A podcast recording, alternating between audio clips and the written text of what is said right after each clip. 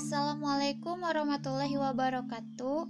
Halo teman-teman PKN 2019A. Di sini saya Debbie Indah Saribanon dengan NIM 1900522 akan menanggapi mengenai materi yang telah dipaparkan oleh kelompok 11 tadi. Dari apa yang telah saya simak, bahwasanya pemateri di sini menjelaskan mengenai penggunaan media sosial dalam pembelajaran pendidikan sosial.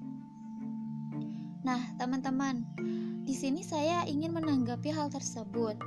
Menurut saya, apabila hal tersebut itu diterapkan, kemungkinan bisa dibilang baik dan juga bisa dibilang kurang baik. Mengapa saya bisa mengatakan hal tersebut bisa dibilang baik?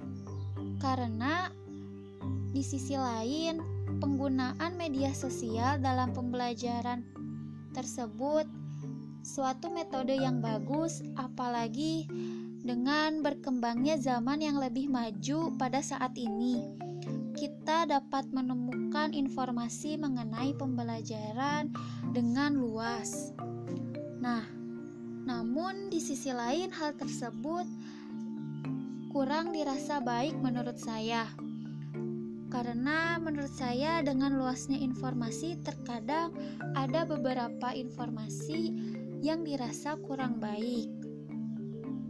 Maka dari itu, di sini guru harus dapat membatasi dalam penggunaan media sosial dalam pembelajaran pendidikan sosial. Dan juga dalam hal ini menurut saya apabila dilakukan dengan penggunaan media, sosial dalam pembelajaran.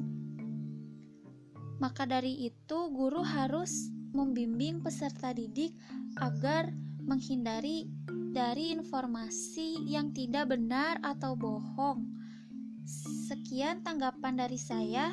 Selanjutnya, mengenai komentar, menurut saya sudah bagus apa yang telah dipaparkan di podcast.